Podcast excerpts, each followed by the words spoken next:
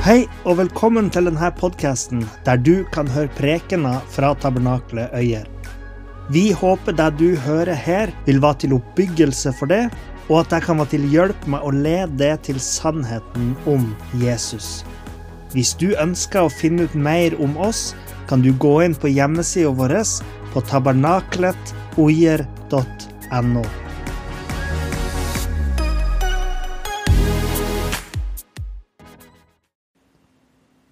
Jesaja 26, 20. Kom, mitt folk, gå inn i dine rom og steng dørene etter deg. Gjem deg om så bare et lite øyeblikk til vreden er forbi. Jeg har savna dere, alle sammen. Jeg har savna dette fellesskapet. Og eh, eh, det er jo noe spesielt med å være i den rollen som pastor. For man føler liksom at eh, når jeg ikke kan være sammen med menigheten min, så, så, er det en del av livet mitt som mangler. på en måte. Og, og, det er sikkert mange av dere som føler det samme. Det er sikkert ikke bare meg fordi jeg, jeg, jeg står i den, den, rollen jeg har, men, men jeg har virkelig, virkelig savna fellesskapet. og Eh, vi har jo gjort vårt beste så klart for å nå ut til dere, men så har ikke dere nådd inn til meg. Jeg tulla med det her i stad at jeg skulle jeg skulle ha lagd et dokument på datamaskinen med bilder av alle dere, og så satt jeg og holdt prekener foran de her bildene, så jeg kunne føle at, at jeg var sammen med dere. Men det har jo vært ei merkelig tid den siste tida. Noen har jo kalt det den verste krisen her til lands siden andre verdenskrig. Eh, og det er klart at eh, Målt i antall dødsfall så er vi jo langt ifra andre verdenskrig både i Norge og i verden ellers. Eh, men samtidig så har denne krisen påvirka oss på en, en eh, ganske merkbar måte. Eh, og de siste månedene så har alle vært påvirka av det som har skjedd det siste. Alle sammen. Uh, mange av de har vært i isolasjon og karantene. Noen har hatt det verre enn andre. Noen har dødd av det som har vært i det siste. Noen har uh, til og med unge folk har eh, vært døden nær pga. det som har skjedd i det siste. Og mange har vært for mye alene. noen de har vært langt fra alle andre. Og for oss alle så har avstand til hverandre vært større i denne perioden enn i hvert fall noe jeg noensinne har opplevd. Og vi merker det til og med i dag, og vi ser da til og med på hvordan stolene er satt opp i salen her. Og Det som er så spesielt, det er at det gjelder hele verden. Alle sammen er berørt av det. Til og med i Nord-Korea, verdens mest isolerte land, som vi nesten skulle tro at der må det vel være ugjennomtrengelig for det her viruset å nå inn.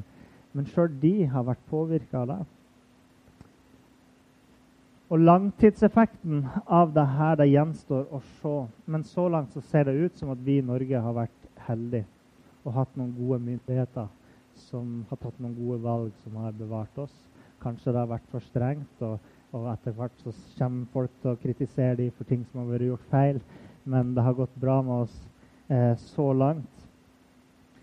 Og Det gjenstår jo også å se hvordan dette vil påvirke menigheten vår på lang sikt. Om det vil ha noen påvirkning som helst, annet enn at vi må sette litt fra hverandre. at vi har vært litt borte fra hverandre. Eh, men det som er spesielt med denne tida, er jo at vi har gjort som Jesaja skriver. At vi har gått hver til vårt og nærmest eh, stengt oss sjøl inne.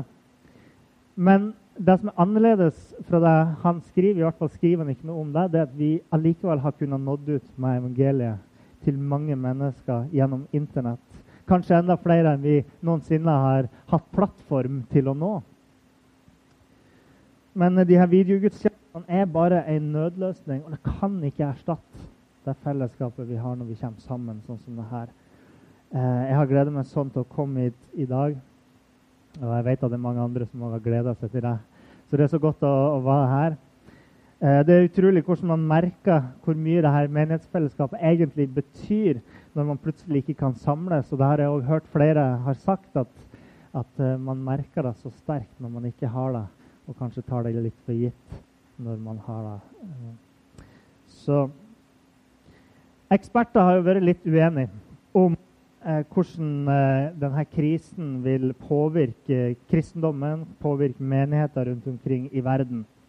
Noen eksperter mener at menigheten vil oppleve en tilstrømming og vekst, eh, tilstrømming av nye folk og vekst i antall medlemmer eh, av nye folk som søker håp og mening. Og Jeg har ikke sett noe tall fra Norge, men jeg har lest at eh, den mest populære bibelappen på telefon og nettbrett de har eh, satt ny nedlastningsrekord i mars med over to millioner nedlastninger av uh, Bibelen. Uh, og i England så har den største kristne bokhandelen på nett registrert en økning på 55 salg i fysiske bibler. og denne enorme mengden med digitalt innhold som har blitt lagt ut av menigheter rundt omkring i landet vårt den siste tida, har jo utvilsomt nådd mange mennesker. Eh, F.eks. så har våre videogudstjenester i snitt nådd over 400 personer per gudstjeneste. Eh, og det er ganske mange flere enn de 40 vi samler her til vanlig. liksom. Det kan vi jo si.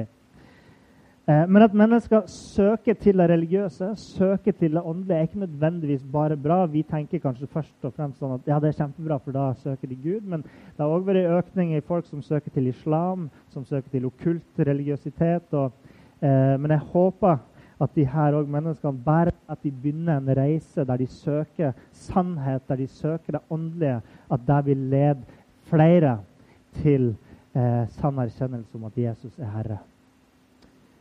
Andre eksperter de mener at dette vil være begynnelsen på døden for kristendommen i Vesten. Fordi menigheter de taper penger, eh, og for mange kristne så sier de da kommer dette til å være den oppholdsperioden som trengtes for at de skulle bryte vanen med å møte opp i menigheten på søndagene, som gjør at de ikke kommer i menigheten lenger. Og det kan hende at de har delvis rett, at noen menigheter vil eh, oppleve et minska frammøte. Det vet vi jo ikke.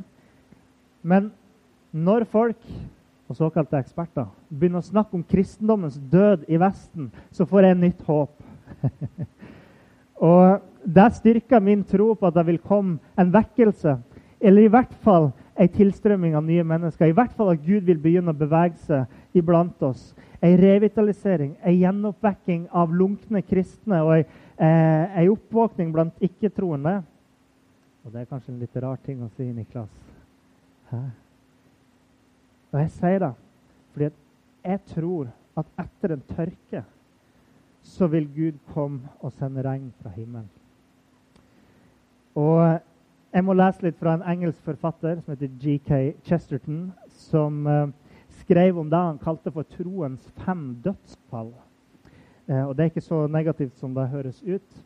Han tar fram fem eksempler på uh, hvordan kristendommen har opplevd store omveltninger. Han skriver at det var perioder der det så ut som at sjelen i kirka hadde dødd ut og hadde forlatt kirka. Han skrev troen er ikke en overlevelse. Den har ikke overlevd. Den har kommet tilbake igjen og igjen i denne vestlige verden i rask endring, og med dens institusjoner som stadig vekk forgår. Europa, i tradisjon etter Roma, forsøkte alltid revolusjon og rekonstruksjon.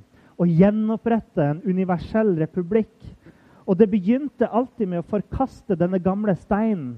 Da sikta han til Jesus. Det begynte alltid med å forkaste denne gamle steinen og endte med å gjøre den til hovedhjørnestein. Ved å bringe den tilbake fra søppelhaugen og gjøre den til hovedstadens krone.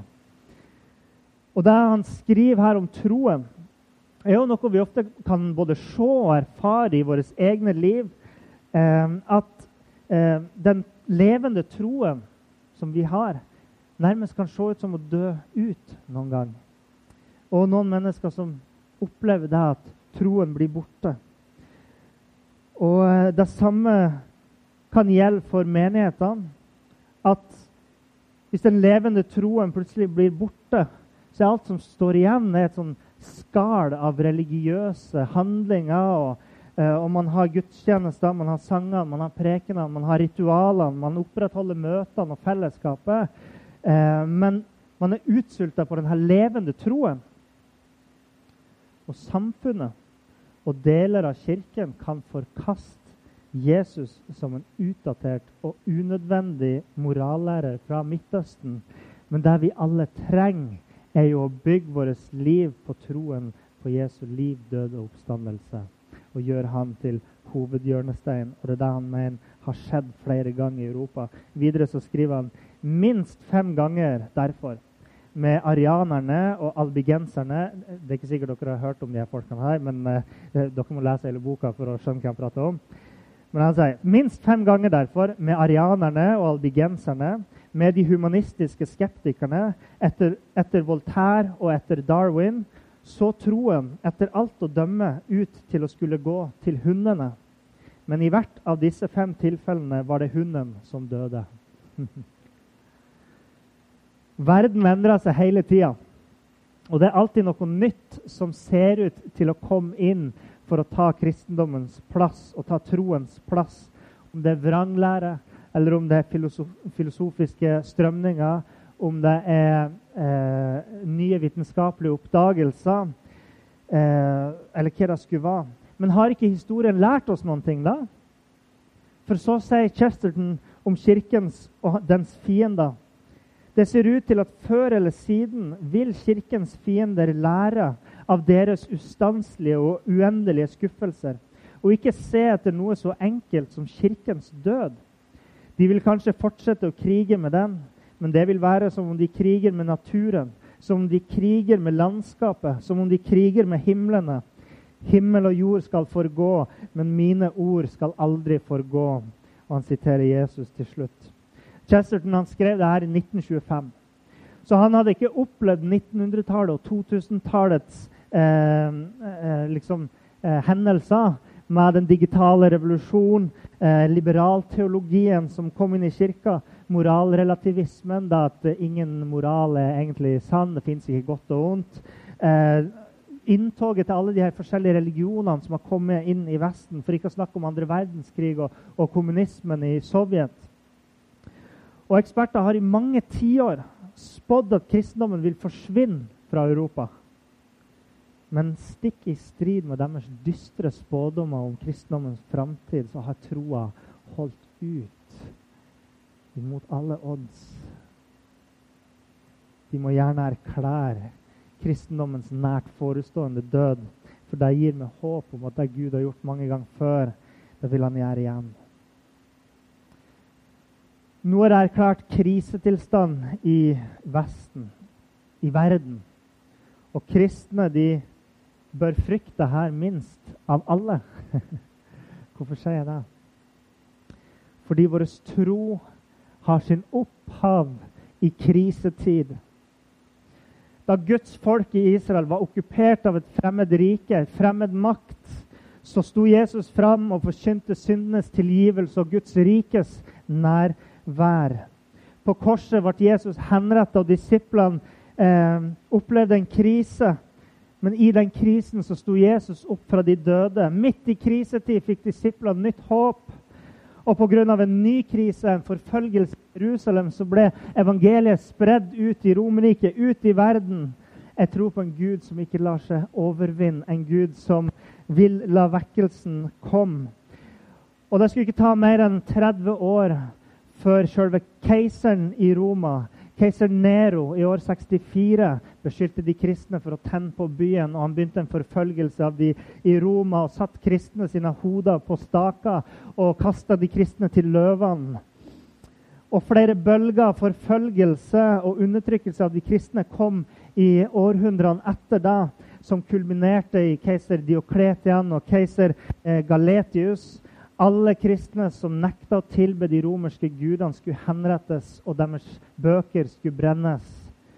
Men evangeliet om Jesus spredte seg. Og etter Galetius kom keiser Konstantin, som gjorde kristendommen til statsreligion i Romerriket for en ydmykelse av de her siste keiserne som prøvde å utslette kristendommen. Jeg tror på en Gud som ikke lar seg overvinne. Hva skjedde med Romerriket? Jo, når barbarene kom, så ble det en ny krise. Men troen døde ikke ut. For når de reiv ned murene til det mektige riket, så spredde evangeliet seg mer og slo rot i nye land. Hvis det er noe som er som et virus som aldri blir borte, så er det troen på Jesus Kristus. Ei tro som er født i krisetid, skapt for å vokse der nøden og tørken er størst. Amen. Hva har vi sett i moderne tid? Etter første verdenskrig oppstår en vekkelse. Etter andre verdenskrig oppstod det vekkelser. Det var etter uh, den vekkelsen som kom på 50-tallet etter andre verdenskrig, at amerikanerne bestemte seg for å endre tros, den nasjonale troskapseden sin og innlemme uh, setninga 'én nasjon under Gud'. Det var ikke noe som de hadde fra tidlig av, men det var pga. vekkelsen. Kommunistene i Sovjetunionen hadde som mål å utslette alle de kristne, alle jødene. Men da brøt det ut vekkelse bak jernteppet. Kina forsøker den dag i dag å utslette de kristne, stoppe spredninga av evangeliet. Men millioner på millioner av mennesker venner seg til Kristus. Og kommunistpartiet opplever det som en kreftbyll som de ikke greier å skjære bort. Men i virkeligheten så bringer det legedom til et folk eh, som trenger å settes fri. Det er snart 100 millioner kristne i Kina, og det fortsetter å vokse. I Sør-Amerika har de opplevd fattigdom og nød, korrupte ledere og dårlige politiske ideologier. Eh, og der er det vekkelse. I krigen i Syria har hundretusenvis av mennesker vendt seg om til Jesus de siste årene. Tenk på det. I India foregår det en vekkelse, tross at hindunasjonalister ønsker å gjøre det forbudt å konvertere til kristendommen. Og de kristne forfølges på andre måter, ofte med vold. Og i påskedag i år så var det en kanal som sendte videogudstjeneste på påskedag, som eh, rapporterte at 100 000 mennesker hadde eh, vendt seg om til Jesus den dagen. Og du vet det kanskje ikke over 66 millioner kristne i India i dag. Det er vekkelse over hele verden. I Iran så er det ulovlig å forkynne, og det er ulovlig å, å konvertere fra islam. Og kristne utsettes for ekstrem forfølgelse men der er det vekkelse. I 2015 var det et sted mellom 100 og 500 000 kristne i Iran. I dag er det omkring 800 000. Og du kan si at Det er kanskje ikke så imponerende i prosentvis vekst. Men tenk at dette er et av de verste landene i verden å være kristen. Et av de verste landene å, å, å tro på Jesus. En av de vanskeligste plassene i verden å dele evangeliet. Og der kommer hundretusenvis av mennesker til tro på Jesus. Er ikke det utrolig? Og uh, Vi snakker om kriser, vi snakker om forfølgelser i dag. Og Man skulle tro at de her kristne i Iran vil at vi som står her, skal be for de om at forfølgelsen skal ta slutt. Men da sier de faktisk ikke gjør det. Ikke be om at forfølgelsen skal ta slutt. De sier at forfølgelsen forsterker veksten hvis forfølgelsen stopper, sier de, så tror vi veksten vil stoppe. Men de vil at evangeliet skal spre seg for enhver pris. Tenk på det. Tenk hvilken tro kan vi forstå at noen virkelig er villig til å ønske forfølgelsen velkommen for evangeliets skyld. Det er utrolig. Jeg har lyst til å fortelle bare én historie fra alle de her millionene av menneskene som ikke blir født inn i kristendommen, men som tar et valg om å eh, fullstendig snu om livet sitt, vende om fra en annen religion, vende om i motstand og, og motgang. Og eh, Ei kvinne som heter Hayati, hun bodde i en landsby i et muslimsk land i Asia. Og En natt så hadde hun en drøm om at hun bygde et hus uten tak. Og Denne drømmen festa seg veldig hos henne. Og fordi et hus uten tak betyr at man har ingen beskyttelse. sant? Og Dagen etter så kom det et kraftig jordskjelv. Og Under det jordskjelvet så fortalte hun mannen om den drømmen hun hadde hatt. Og Hun sa kanskje dette betyr at mange mennesker vil dø. Og Noen minutter etter jordskjelvet så kom en tsunami mot denne landsbyen, som vi har hørt om flere ganger de siste ti årene, om de her enorme tsunamiene som vasker ut alt i sin vei. Og De så denne bølgen kom imot dem. Og alle de sprang rundt i panikk. Og noen de spurte henne hvor skal vi gå, og hun tenkte ikke klart, men hun sa vi går til moskeen, sa hun. Dette er et gudshus. La oss gå inn her. Og så knelte de ned, og så, sa, og så sa hun at hun ba ærlig. Hun ba som en kristen, var ordene hun brukte i ettertid. Hun ba som en kristen, og hun glemte at hun var en muslim, sa hun. Og så sa hun hun ropte til Gud. Kjære Gud, kjære Gud, vær så snill å beskytte oss nå. Jeg siterer henne. Ikke ødelegg oss, Gud. Ikke vær sint på oss. Kjære Gud, tilgi oss. Tilgi oss våre synder. Herre Jesus, ikke forsak meg. Og alle de andre som var sammen med henne, de ropte, Herre Jesus, Herre Jesus. Og de gjentok det og gjentok det. Og da skjedde det et mirakel. Fordi når bølga kom over og skylte over moskeen, så stoppa det en meter fra bygninga. Og den bygninga ble, ble verna fra den enorme flommen som kom over dem. Og når de innså at vannet hadde stoppa, så gråt alle sammen. Og alle bekjente sin tro på at det var Jesus som hadde redda dem. Pga. det som skjedde, så var det enda flere rundt der som kom til tro på Jesus når de hørte om det som hadde skjedd. At de hadde påkalt Jesus, påkalt den kristne Gud, og blitt redda. Jesaja 26, 16. Herre, i trengselen søkte de til deg. De utøste bønnesukk da din tukt var over dem. Jeg misunner ingen å utsettes for forfølgelser og kriser. Jeg vil at alle mennesker skal ha det bra. Men når jeg ser på denne ene historien og alle de andre historiene, og jeg ser på vår egen historie i Europa, og det som fortsatt skjer rundt omkring i verden, vet dere hva jeg ser da? Salige er de fattige i ånden, for himlenes rike er deres. Salige er de som sørger, for de skal bli trøstet. Salige er de ydmyke, for de skal arve jorden. Salige er de som hungrer og tørster etter rettferdigheten, for de skal bli mettet. Salige er de barmhjertige, for de skal få barmhjertighet. Salige er de rene av hjerte, for de skal se Gud. Salige er de som skaper fred, for de skal kalles Guds barn. Salige er de som blir forfulgt for rettferdighetens skyld, for himlenes rike er deres. Salige er dere når de håner og forfølger dere, og for min skyld lyver og sier alt, all slags ondt om dere.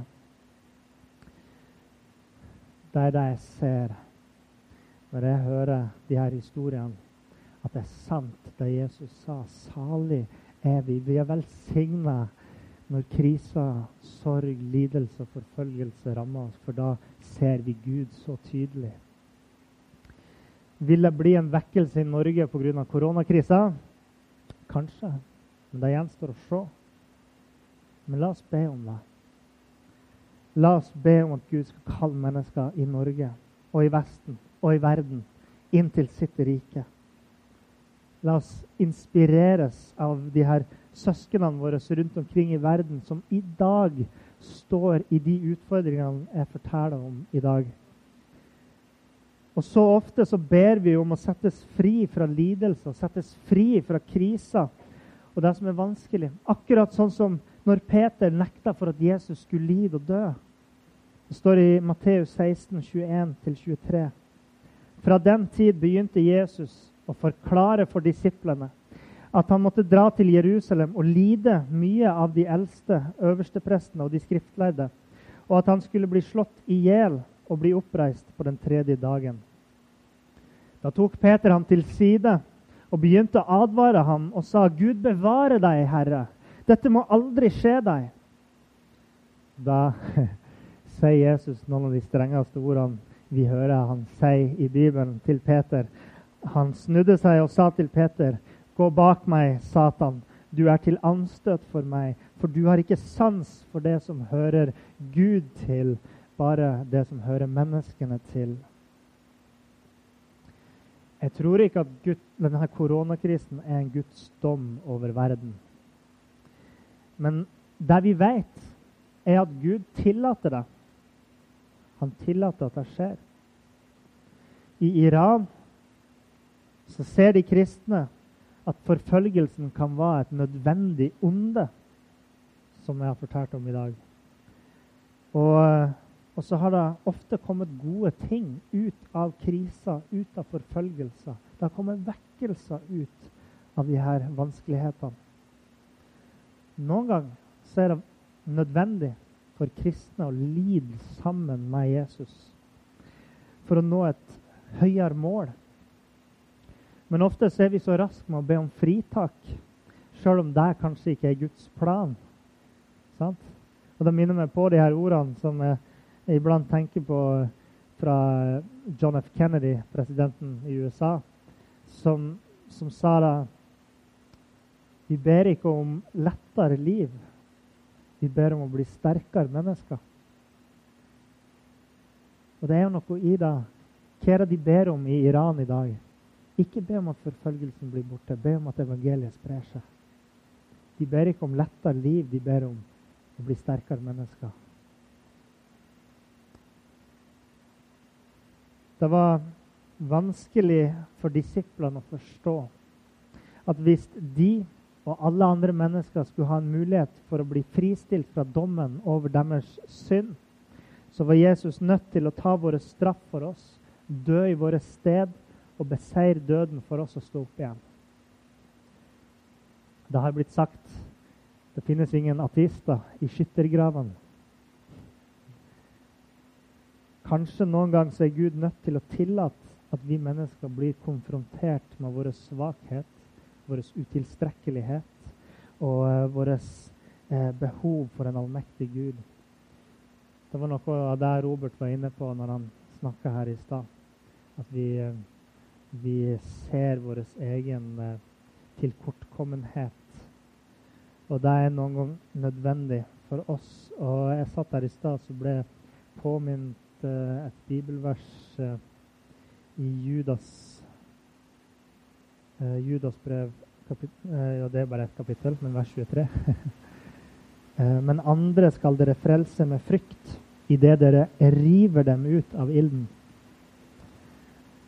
og det som jeg tenkte på da, var at vi er så raske med å fordømme Gud når ting er vanskelig, i hvert fall her i Norge. Eh, folk de eh, ser på, på, vanskelige ting, og så sier de 'Hvor er deres Gud? Hvordan kan Gud tillate det her?' Eh, men så ser vi på historien hva sånne kriser egentlig fører til.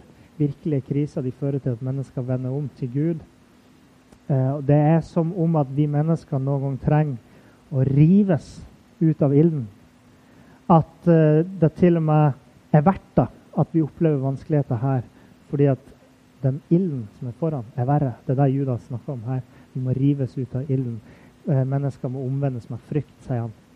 Og, eh, og selv om det kanskje ikke er vår eh, fremste strategi, så, så, er det kanskje noe av grunnen til at Gud tillater de krisene vi har rundt oss.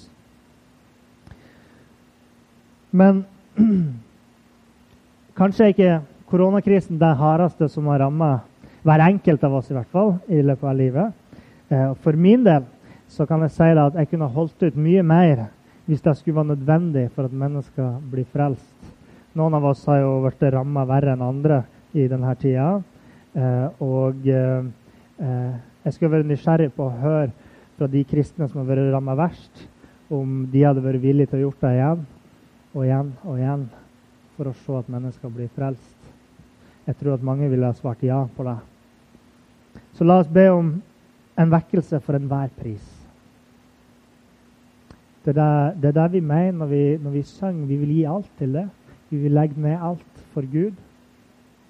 For enhver pris er vi villige til å gi vårt liv til Han. Det er det det betyr. La oss be om vekkelse for enhver pris. La oss håpe og be om at mennesker vil finne Gud og finne frelse i Jesus. Skal vi be. Herre Far, i landet vårt har det vært tørke, Herre, i lang tid. Ei kirke i forfall. Eh, kristne menigheter som ikke har opplevd den veksten som de ønsker. Nå har vi hatt ei vanskelig tid.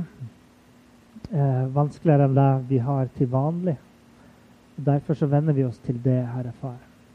I eh, trengselens tid så venner vi oss til det med bønnesukk om at du skal komme til oss og vende deg onde til noe godt, Herre. Vi ber om at du skal bryte gjennom i Norge, at du skal komme vekkelse, at du skal la denne nøden som har vært, åpne øynene til mennesker. Og, eh, og la mennesker finne veien til det. Herre far, vi tror at det er den største velsignelsen. Og, og vi sier som menighet at eh, vi ønsker at du skal komme med en vekkelse til vårt land, uansett pris. Ja. Vi har lyst til å legge alt framfor deg, Herre Far. Vi bare virkelig ber deg fra vårt innerste, Herre, om at du skal kalle mennesker til det. Det er ikke for at vi skal være kry over vår egen menighet og det vi har oppnådd her, eh, men det er fordi vi ønsker at andre mennesker skal få kjenne det og fordi vi vet at det er det du har kalt oss til, å være et lys her nede i verden. Så far, kom. Kom med kraft. Kom med ild fra himmelen, Herre. Sett fyr på dette landet med hellig ild. Mm. Det ber vi om Jesu navn. Amen.